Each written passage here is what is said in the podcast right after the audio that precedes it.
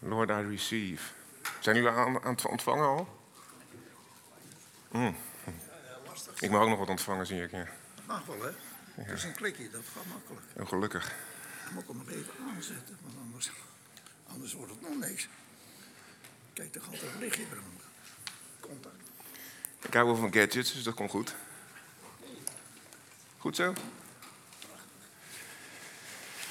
Zijn we al aan het ontvangen? Want uh, nou ja, zo'n zangdienst, eh, wat moet je nog gaan preken dan eigenlijk? Hè? Preken is al geweest. Dat was mooi. Ik denk van ja. Bijbel dicht? Nee hoor, die gaat gewoon lekker open. Het is mooi om, eh, om waarheid te zingen. En ehm, het is mooi om daaruit te, ontvangen. Ik had met Ben inderdaad van tevoren ook even over, over het eh, direct eh, Jezus herkennen van die eh, bezeten man. En ehm, we mogen allemaal aanbidden op onze manier. Moeten we ook niet vergeten. En de worship is, is er een, mooie vorm van, die God ook dicht aan het hart ligt. Daarom heeft hij gegeven, maar je kan ook God aanbidden in stilte, in je hart. Mag je gewoon doen. God ziet het hart aan. We hebben vanochtend ook gezongen, I see you. Jezus ziet jou. Dus denk, niet van wat andere mensen over jou denken. Jezus ziet jou. Het kan hem niet zoveel schelen wat andere mensen over jou denken, want hij weet wat hij over jou denkt namelijk. En dat is veel belangrijker. En dat gaat je vrijzetten als je dat gaat ontvangen. En ehm, ik ga aansluiten op de preek van eh, Willem de Vink van een paar weken terug. Die eh, had het over de mijne 7, dat weet u allemaal nog natuurlijk.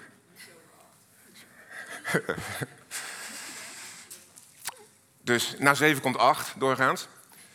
Dus we gaan in Romeinen 8 beginnen. En eh, ik had in de, de voorbereiding met, eh, met Johannes erover, want die gaat daar weer op aansluiten. En eh, ja, tot waar gaan we dat dan doen? En ik had zo globaal het hoofdstuk, je kent Romeinen 8 redelijk, maar dan lees je het een beetje door en denk van nou, ik denk bij 19, dat is een mooie split. En dan pak jij het van, van 19 over. En toen ging ik aan de voorbereiden en dacht ik, my goodness, ik ga niet voorbij vers 1 komen. Zo'n diepte in het woord. Zo'n diepte in het woord. Alleen al bij het eerste vers. Waar we zo meteen naar gaan kijken. En dan moest ik denken aan Hebreeën 4, waar staat dat het woord snijdt van één geest en ziel. En het is scherper dan enig tweesnijdend zwaard, het woord. En als geest en ziel gesneden wordt, dan ben jij dus in staat om juiste beslissingen te maken. Snap je dat? Want de ziel, dat is je besluitcentrum. Alleen, vanaf welke kant laat je het voeden en maak je je beslissingen? Daar gaat het om. En het woord is daar een perfecte hand- handvat voor. Want het is net een spiegel waar je in kijkt, de Bijbel, toch? Het is net een spiegel. En het doel is om je vrij te zetten. Het is de liefdesbrief van God. We gaan starten. Power boost. Oh. Is gepimpt, eh, de preek, dat is prima.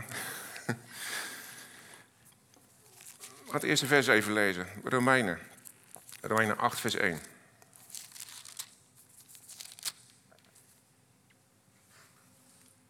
Heel goed. Dus is er nu geen verdoemenis voor hen die in Christus Jezus zijn, die naar het vlees wandelen, maar naar de geest. Ik weet niet of we nog het Romeinen 7 verhaal nog een klein beetje in het hoofd hebben zitten. Maar Romeinen 7 eindigt eigenlijk in dat Paulus zegt van, ja, ik wil het goede, maar ik doe het verkeerde. Als ik nadenk van wat ik wil, dan zit het goed. En als ik dan kijk wat ik doe, dan is het total crap. Echt niet goed. Dus dat geeft de burger moed, toch? Mij wel in ieder geval. Want ja, je doet allemaal dingen die, uh, dat je denkt van ja, waarom doe ik dat nou? Of waarom denk ik dat nou? Nou, daar gaat het vandaag over. We gaan voorbeduren hoe je dat kan scheiden. En wat dit zinnetje nou eigenlijk betekent. En daarom staat ook dus, want het beduurt voort over Romeinen 7. Maar wat ook een belangrijk woordje is, is vanaf nu. Als je veel teksten leest, staat er nu, of zo is het dan. Maar in de grondtekst staat er vanaf nu.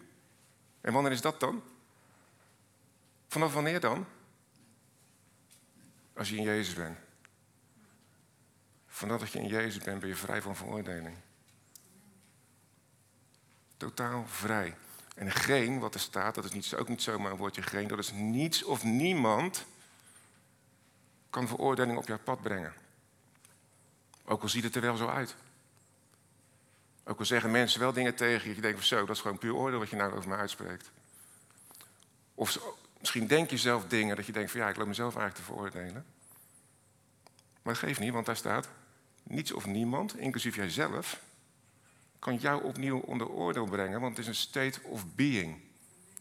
Het is niet een, een, een gedrag zozeer. Ik kom er zo meteen nog wel wat in detail op terug. Maar het is een state of being. Gods geest is in jou komen wonen toen je te geloof gekomen bent. En daardoor ben jij 100% veranderd in de mind. Ben je een nieuwe schepping. Een state of being. Jij kan er niks aan toevoegen. Je kan er niks aan afdoen. Je kan God niet beter over jou laten denken.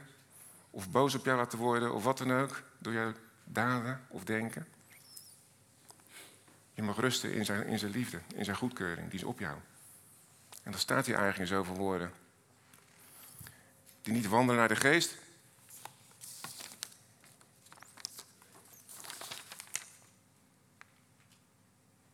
Die niet naar de vlees wandelen, maar naar de geest. Ja, wat betekent dat dan? Dus als ik naar, de, naar het vlees wandel, dan ben ik nog wel onder veroordeling. Zou dat er staan? Toch? Zo kan je het lezen, toch? Wie heeft het wel zo gelezen? De rest is allemaal leugen, uh, niet eerlijk. Maar dat zou je kunnen lezen. Maar de waarde is anders. Het is namelijk één zin dit. Dus het is niet een voorwaarde van als je, nee. Voor hen die in Christus zijn, dat is de enige voorwaarde, die wandelen in de geest. Spannend, hè? Je kijkt naar jezelf en je denkt van, nou, dat was nou niet heel geestelijk wat ik daar deed. Maar dat is een tweede. Daar komen we ook nog op. In de geest is dit al waar. Jouw mind, je bent gered, je wandelt in de geest. Ik word er wel vrolijk van.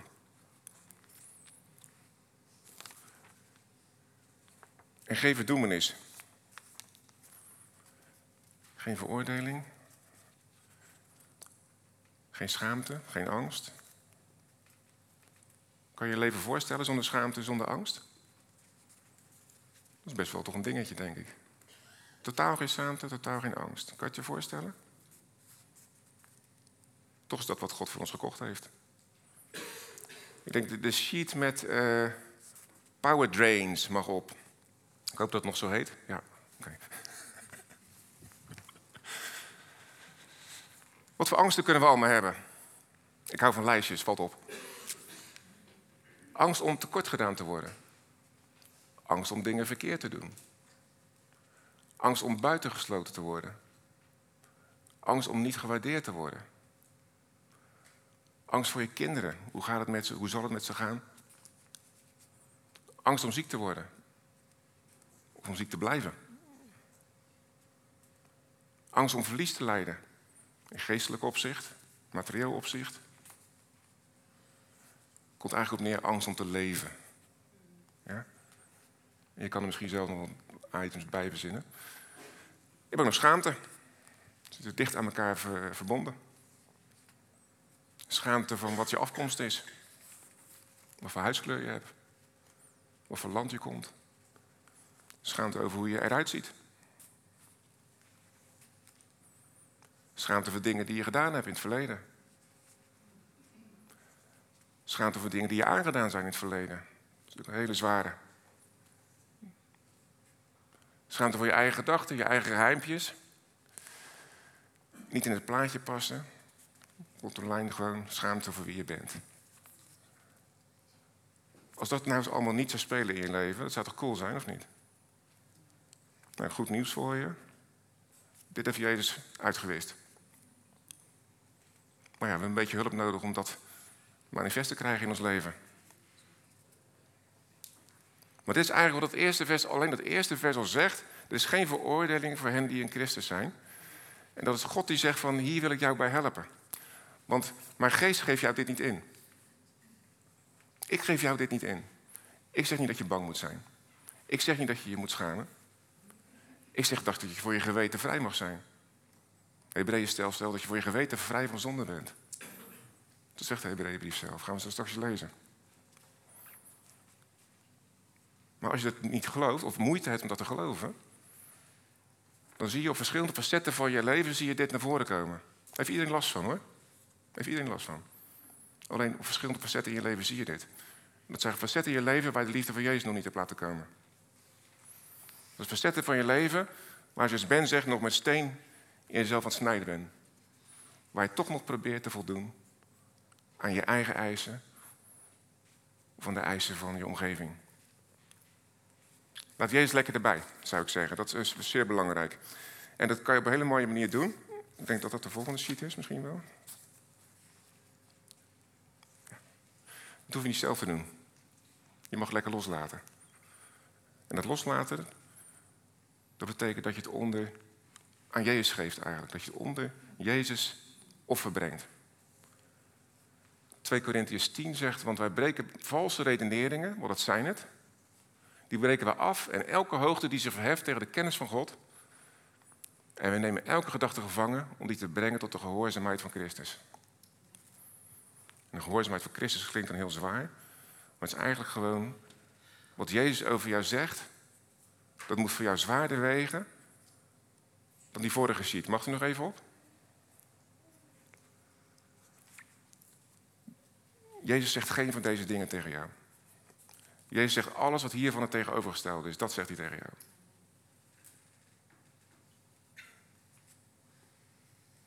En dan mag je je op beroepen. Dan mag je zeggen, ik zie het niet. Ik veroordeel mezelf nog gewoon. Ik, ik kan er ook niet, kom er ook niet uit. Ik kom niet uit de situatie. Ik blijf gewoon dingen verkeerd doen. Ik wil het niet, zoals Paulus zegt, maar ik doe het toch. Dan zegt Jezus, jij bent volmaakt. Jij bent geaccepteerd. Je bent geliefd. En hij zegt, je bent al heel, maar ik ga je hand nemen en ik ga je verder heel maken. Dat je het zelf ook gaat geloven. Leuk hè? Dat ook niet van ons geloof, maar zijn geloof hangt vanaf. Hè? En hij gelooft in jou. Want het is een beetje raar om je leven te geven voor mensen dat je denkt van ja. Maar hij heeft zijn leven gegeven aan jou. Daar moet je niet te luchtig, luchtig over denken. Dat is, dat is het ultieme offer heeft hij gegeven voor jou, terwijl jij hem niet wilde. Beter gezegd voor ons, voor de mensheid. De mensheid die hem uitspuugde, voor die mensen gaf hij zijn leven. Nou, ik zie het mezelf nog niet echt doen. De Bijbel zegt, het is wel bijzonder als iemand zijn leven zou geven voor een vriend. Waar hij van houdt. En Jezus gaf zijn leven voor mensen die hem haten. Over de ultieme liefde gesproken. Cool? Waarom zeg ik dat eigenlijk altijd? Ja.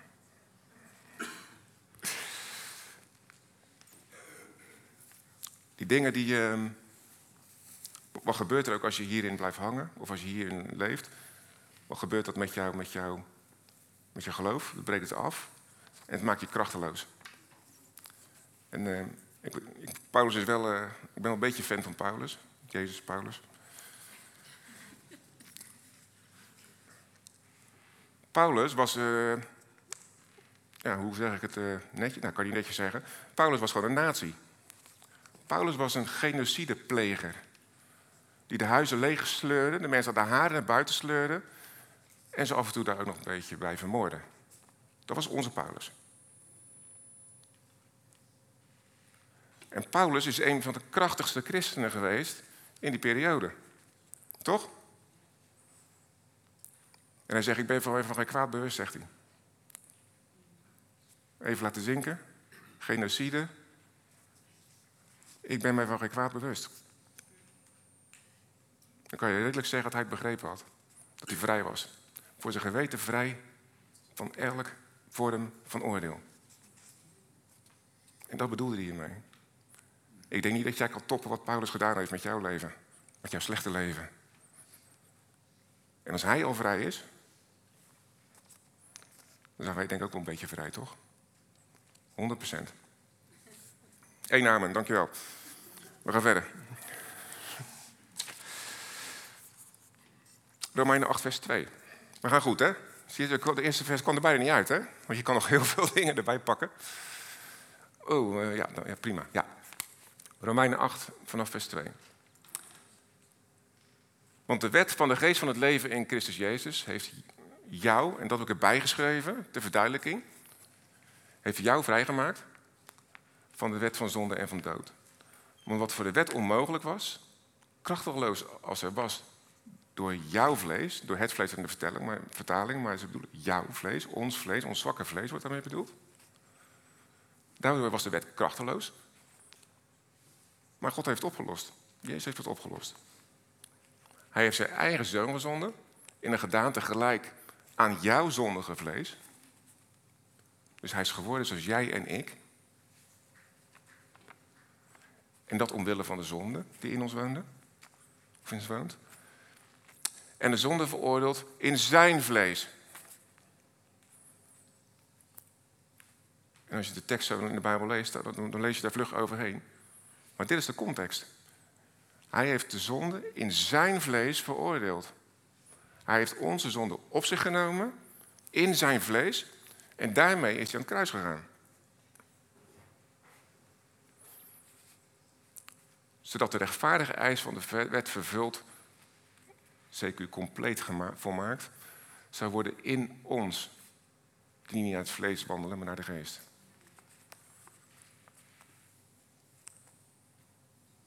Amazing is dit. Hij heeft het weggedaan. Wat in jouw parten speelde, heeft hij weggedaan. En daarom zei ik net met het tweesnijdend zwaard, jouw, jouw lichaam is in principe nog onderhevig aan zonde. Maar je geest is helemaal 100% vrijgemaakt. En wat wil God nou van ons leven? Dat wat je in je geest al bent, dat het manifest gaat worden in je leven. In je lichaam, in je doen en laten. Het is een geestelijk iets. Dus ga niet proberen in je lichaam dingen te gaan doen, zeg maar. Van ja, ik weet wat ik verkeerd doe, ik ga het morgen beter doen. Ja, dat is een beetje, ja, kan je het proberen. Misschien lukt het een paar keer, misschien niet. Meestal niet, denk ik. Maar je moet je focussen op Jezus. Hij gaat het doen. Want hij wil het echt. Jij wil het soms niet eens. Jij wil, jij wil niet eens van je slechte gedrag af, laten we eerlijk zijn. Best lekker soms. Oh, Oké, ik ben de enige. Oké, jammer. hij wil het echt. hij wil het echt. Hij wil jou echt helpen. En waarom wil hij echt helpen? Omdat alles wat ons treft uit dat waardeloze gedrag voortkomt. En dat wil ik niet altijd erkennen onze, onze uh, misstanden, onze, onze misses, ons falen, onze zwakte, onze ziekte komt niet voort uit God. Dat komt voort uit onze eigen rot, rotte manier van leven. En de duivel die dan nog een beetje probeert te helpen, van ja, het is inderdaad rot. En als je dat doet, is het nog rotter. Doe dat, joh. Jezus wil het echt. Hij wil echt jou verder helpen en beter maken. En daarom heeft hij zelf de weg gegaan, is hij zelf de weg gegaan, zodat wij niet meer hoeven te gaan. Dat is ook een mooie misstand. Ja, je moet wel een beetje lijden, want het is wel een beetje gemakkelijk. Want ik ben niet zo goed, dus ik moet lijden. Nou, dat is het oordeel. En je moet toch een beetje je best doen, een beetje toch proberen niet te zondigen. Kom ik zo meteen op. Ja? We gaan eerst even een, eh, een vet stuk lezen. En dat is Hebreeën, Hebreeën 9.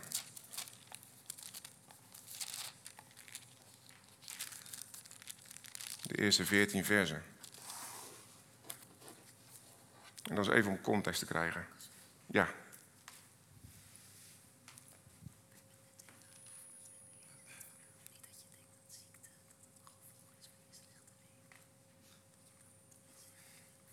Dankjewel.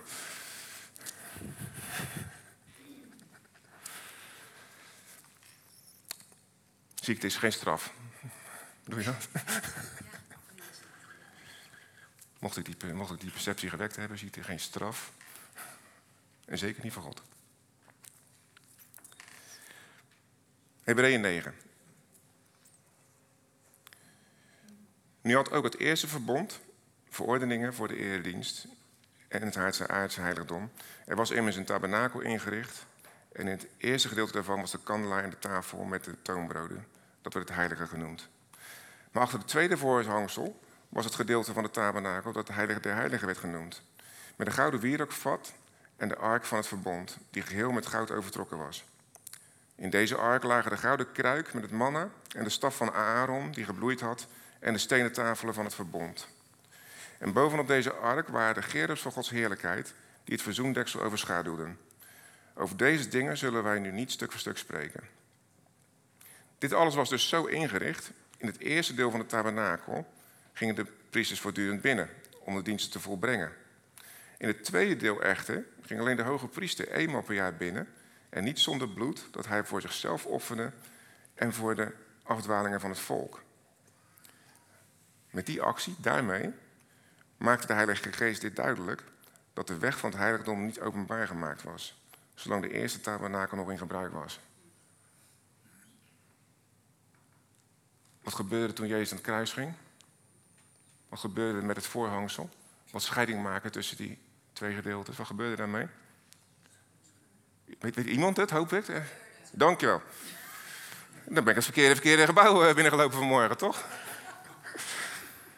En scheurde van boven naar beneden. Het werd niet door iemand stiekem opengeknipt van beneden naar boven. Het scheurde van boven naar beneden, van Gods wegen werd er gescheurd. En was de weg naar de Vader open. Dus de weg naar de Vader voor ons is open. In Jezus.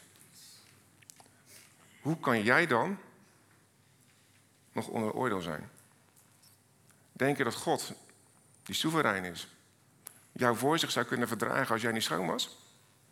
Dat is onmogelijk. Is vuur wat je volledig verbrandt. Dat is onmogelijk. Dat betekent dat je schoongemaakt bent door Jezus. 100% rein gemaakt bent en je kan gewoon voor God verschijnen in Hem. Gaaf? Ik vind het super gaaf. En dat staat hier. Betekent dus. Uh, zolang de eerste tabernakel nog in gebruik was. Dus die eerste tabernakel die is niet meer in gebruik. Wij zitten in het Heilige de Heiligen. Helemaal cool. Dit was het zinnenbeeld voor de tegenwoordige tijd. In overeenstemming daarmee werden er gaven en slachtoffers gebracht. Die niet in staat waren om hen die de dienst verrichten wat zijn geweten betreft, tot volmaaktheid te brengen. Dus die beestenoffers hadden een doel, maar het doel ging niet bereikt worden. Een tijdelijke bedekking was het. Het betrof hier alleen voedsel en dranken en verscheidene wassingen. Vleeselijke verordeningen die opgelegd waren tot op de tijd van de betere orde. Maar toen, en nou wordt het mooi, maar toen is Christus verschenen, de hoge priester van de toekomstige heilsgoederen. Hij is door de meerdere en meer volmaakte tabernakel gegaan die niet met handen gemaakt is. Dat is die niet van deze schepping is. Hij is niet door het bloed van bokken en kalveren, maar door zijn eigen bloed voor eens en altijd binnengegaan. En in het heiligdom heeft hij daarvoor door een eeuwige verlossing teweeggebracht. Voor jou en mij. Want als het bloed van stieren en bokken en de as van de jonge koe of de verontreinigd hebben besprenkeld en heiligt tot de reinheid van het vlees, hoeveel te meer zal het bloed van Christus, die door de eeuwige geest zichzelf smetteloos aan God geofferd heeft, uw geweten reinigen van dode werken om de levende God te dienen. Dode werken om de levende God te dienen. Weet je welke dat zijn, dode werken om de levende God te dienen? Dat is je best doen om Gods goedkeuring te verdienen. Dat zijn dode werken. Dat is proberen de wet te houden. Dat zijn dode werken, zegt Paulus zelf. Dat zijn dode werken. Je werkt aan iets wat niet meer van toepassing is. Het hoort niet meer bij jouw leven. Dat zijn dode werken. En als je in vers uh, eh, 10, als daar staat dat die offers niet in staat waren om de, hen die de dienst verrichten, wat hun gemeente, geweten betreft, tot volmaaktheid te brengen, dan zie je ook wat Gods gedachte achter het offer van Jezus is. Om jou voor je geweten tot volmaaktheid te brengen. Met het doel dat je niet meer op jezelf ziet, maar met het doel dat je op Hem gaat zien. Dat is echt superbelangrijk. Want dat is namelijk life-changing, is dat namelijk. Dat gaat bepalen, leef je onder oordeel, leef je onder druk, leef je onder ja, allerlei andere zaken die niet prettig zijn. Of leef je in de vrijheid. Leef je in de vrijheid en zie je soms dingen waar je zelf, ja, dat is niet handig. Maar kan je daar dan voorbij gaan. Ik zeg niet dat je het goed moet keuren. Maar het werkt beter als je het vanuit Jezus verandert. Of beter gezegd, het Hem laat doen en daarin wandelt. Als je zelf gaat doen, dan gaat het niet werken.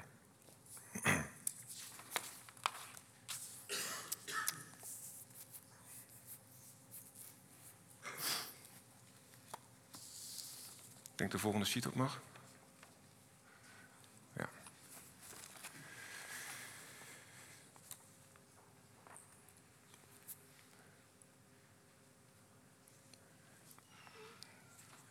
Deze tekst is eigenlijk wel uh, heel toepasselijk voor als je nog denkt van ja, ik moet toch best wel mijn best doen en uh, probeer goed te leven.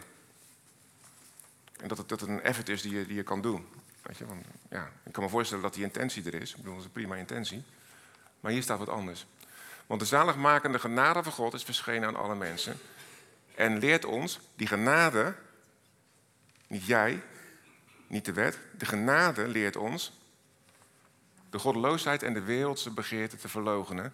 En in deze tegenwoordige, wereld bezonnen, rechtvaardig en godsvruchtig te leven. Wel, eigenlijk wil je dat bereiken. Rechtvaardig en godvruchtig leven. Alleen wij, eh, de, de, kerk, hebben daar heel vrome dingen omheen gebreid. Levensheiliging. Oeh, je moet wel vrucht dragen. En oeh, ja, oeh, dat oeh. Het is wel een beetje spannend waar ik het te graag. Hè? Dat voelden mensen zich een beetje onder druk gezet. Maar dit zegt wel God, zegt, ik heb je vrijgemaakt. Mijn genade maakt jou vrij. En mijn genade gaat jou onderwijzen. Mijn offer gaat jou onderwijzen. De diepte van mijn offer onderwijst jou om het leven te leiden wat je hoort te leiden. Mijn offer gaat jou helpen om je leven op het spoor te krijgen. Niet jouw efforts. En je kan het voor jezelf meten. Hè? Hebben de lijstje die we net gehad over schuld en schaamte en angst. Het feit dat we dat nog voelen, dat betekent dat we nog zelf bezig zijn met dat te proberen. En als je er vanaf wil, dan ga je het Jezus laten doen. En dat staat hier. De genade van God leert ons de goddeloosheid en de wereldse begeerte te verlogenen. Want ze zijn er gewoon, die verleidingen. Ze zijn er gewoon.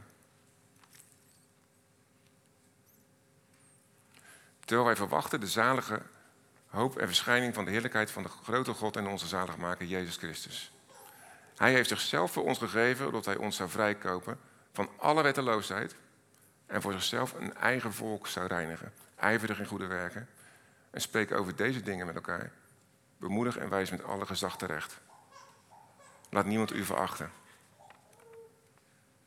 Hij heeft ons vrijgekocht van wetteloosheid. Amen.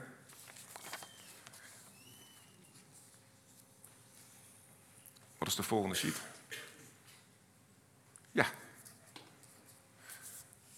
Kleine tussensamenvatting.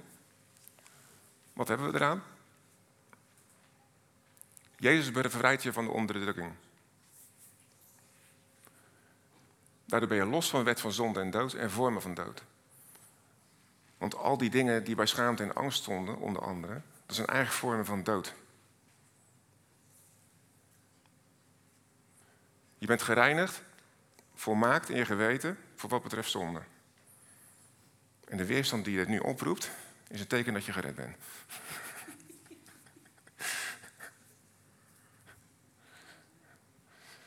Je hebt eeuwige verlossing, hebben we net gelezen. Eeuwige verlossing. Jezus heeft voor jou de eis van de wet voldaan en in jou zijn rechtvaardigheid gelegd. Niemand kan je meer, vanaf nu, Romeinen 1, 8 vers 1, niemand kan je afwijzen en ook God wijst jou in eeuwigheid niet af. Belangrijk. Gods goedkeuring is jouw deel door Jezus. Met de kerst zingen we in de mensen welbehagen. Ik weet niet zeker of we snappen wat we zingen, maar Gods welbehagen is dus in jou. En niet omdat jij zo goed je best doet. Gods welbehagen is in jou terwijl je slechte dingen doet. Volgen we nog?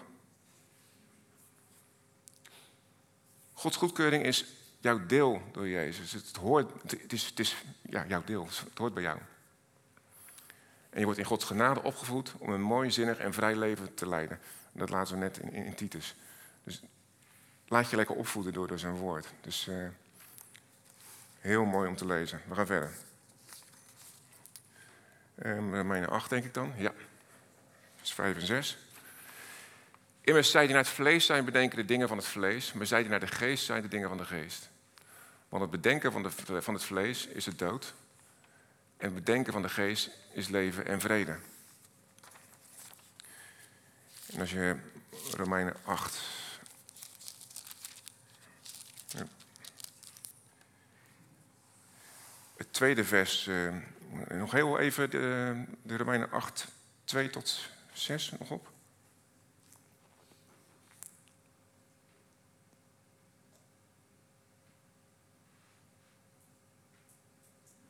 Polder.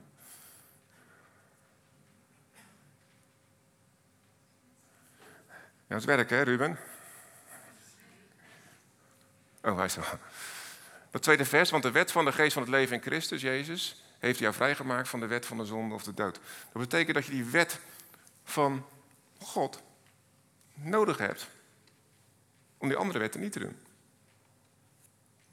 Het is het een of het ander. Dus de wet van God maakt je vrij van de wet van veroordeling. En dat is belangrijk als je het dan leest in vers, eh, dan kunnen we naar de, sheet van, eh, vanaf vers 5, 6, 5.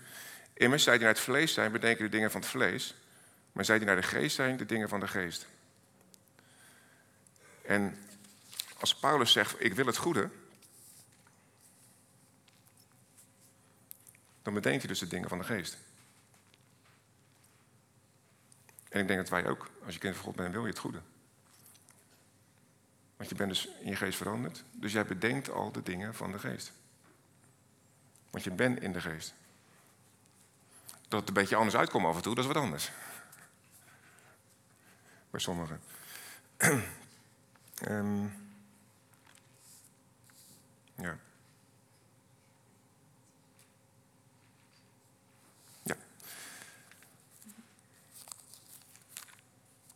Wie kent dat, eh, lied van uh, Pieces? Ken je dat? You don't give your heart in pieces.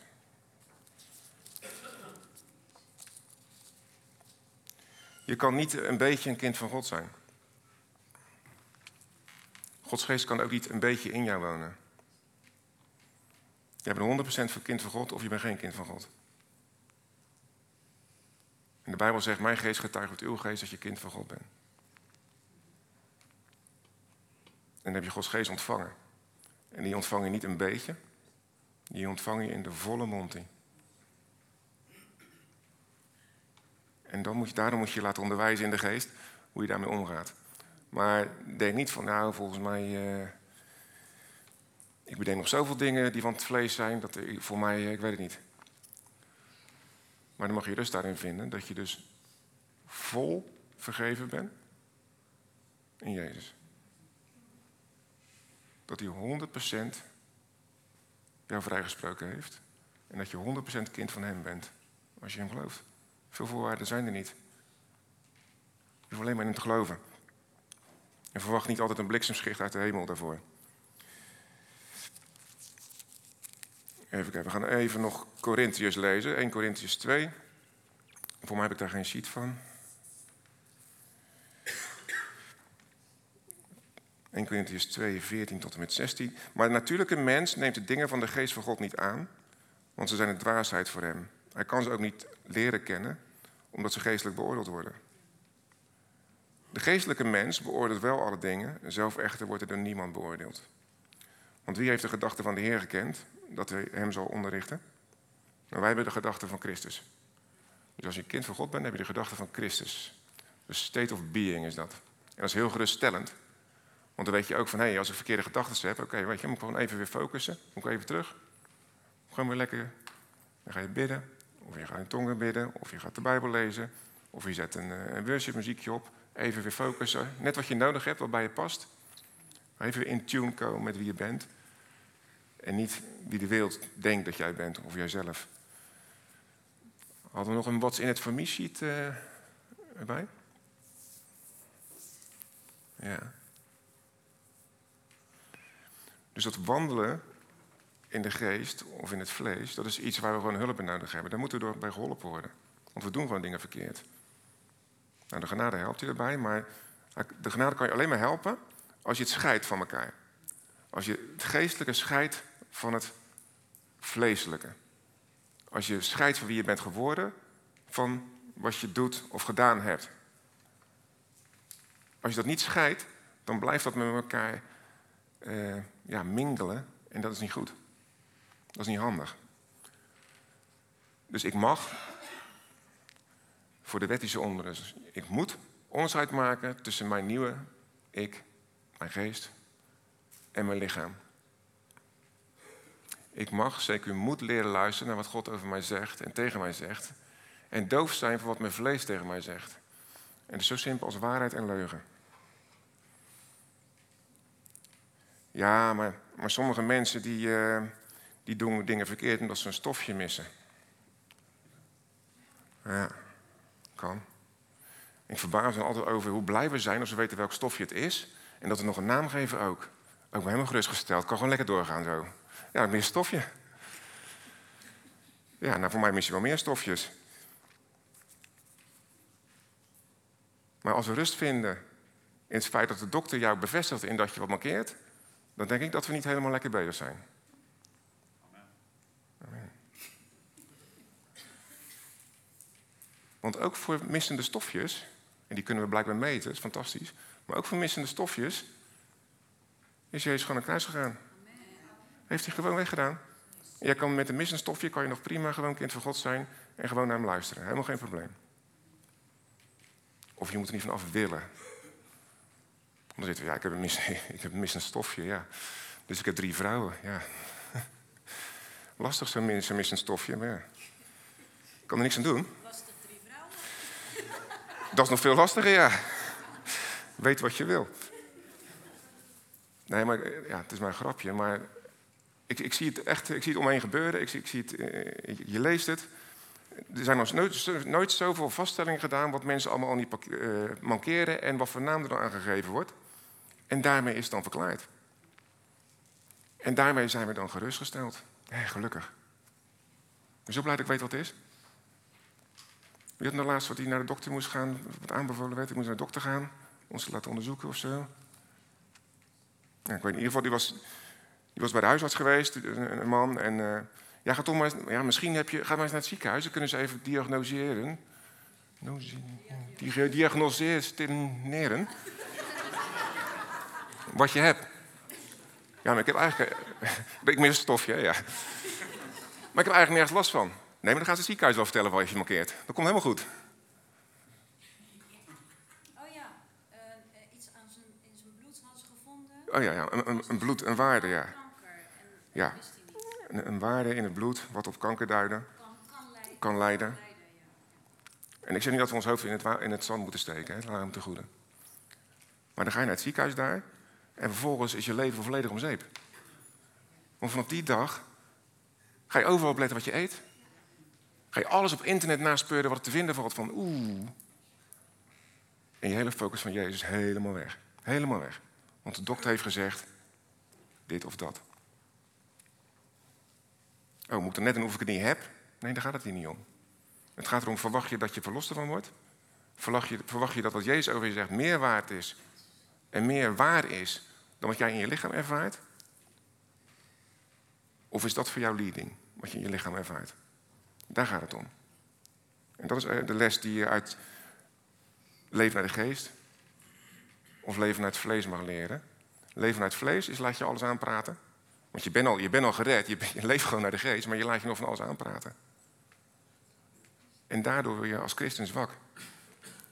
Zwak in, in, in, in de zin van effectief niet. Want Jezus heeft zichzelf niet gegeven zodat wij ons niet gaan onderscheiden van mensen. Wij mogen ons onderscheiden van de wereld. Als wij in alle dingen hetzelfde zijn, ja, waarvoor zou iemand nog tot geloof komen dan? Ik heb precies hetzelfde als ik. Wat is de meerwaarde van jouw God dan? Maar wij mogen vertellen dat we God hebben die geneest. En dat blijven we uitspreken wat er gebeurt. En wij hebben een God die vergeeft. We hebben God die ons aanneemt. En we hebben God die ons lief heeft. En dan blijven we uitspreken, no matter what. En dat gaat ons onderscheiden. En het gaat manifest worden in je leven als je maar gewoon vasthoudt daaraan. Dat gaan we met avondmaal gaan we dat doen.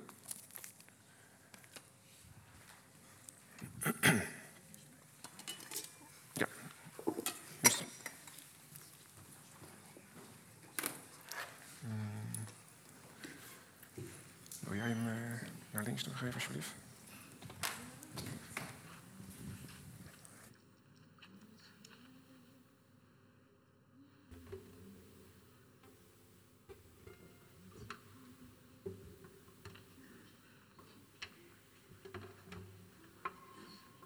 En als dat eh, als brood de lont gaat, mag je echt erbij bedenken.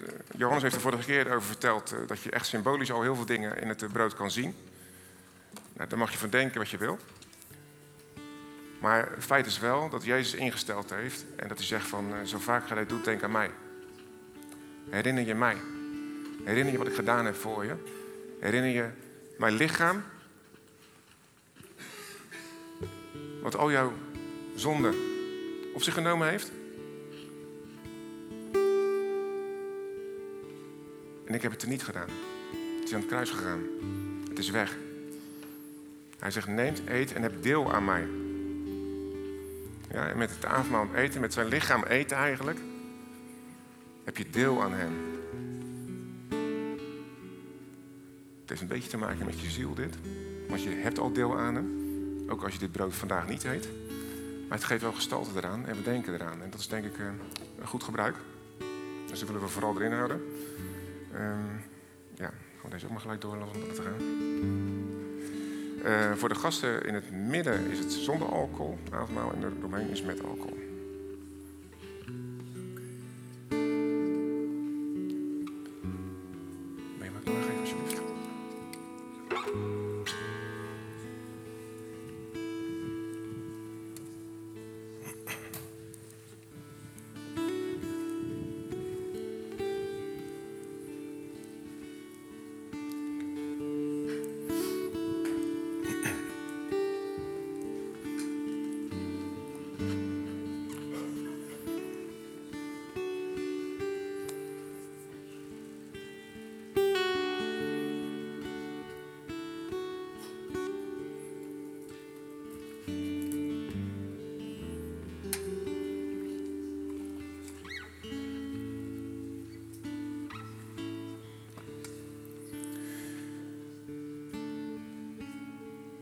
Net zo goed als Jezus zegt van dit is mijn lichaam, dat ik voor jou gegeven heb. Zegt hij van de wijn, dit is mijn bloed, wat voor jou gevloeid heeft. Mijn bloed wat jou voor altijd schoongewassen heeft. Wat jouw leven gereinigd heeft van, van onderdrukking. Gewassen. Wat je altijd zou beschermen.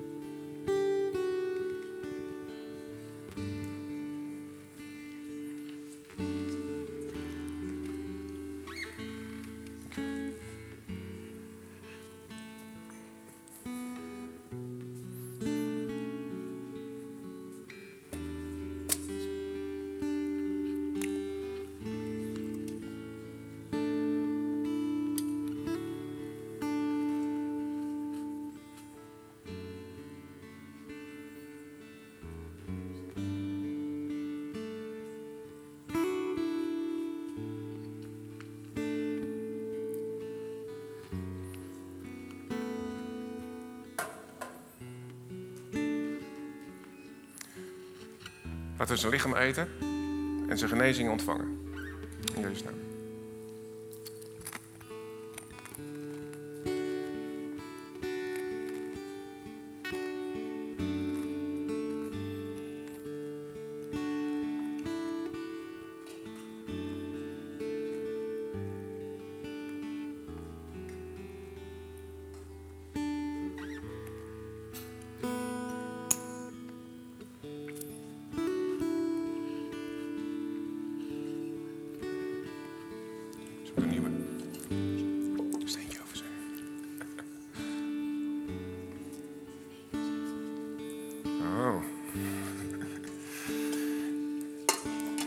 Zo naast om Jezus gedenken, dat is helemaal goed hoor.